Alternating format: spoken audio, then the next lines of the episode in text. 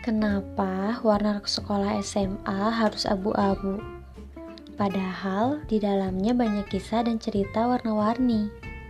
Semua orang bilang, hal-hal paling menyenangkan dalam hidup terjadi di masa itu, yang mungkin gak akan bisa kita ulangi di masa setelahnya. Karena katanya, setelah itu adalah masa di mana kita akan bertemu dengan dunia baru, dunia yang sungguhnya. Mungkin pada saat itu akan ada masa di mana kita merasa semuanya benar-benar ambigu. Di sanalah titik abu-abu, kisah seseorang yang baru tumbuh dewasa tentang sebuah pertemuan dan perpisahan akan sebuah pencarian jawaban. Selamat mendengarkan.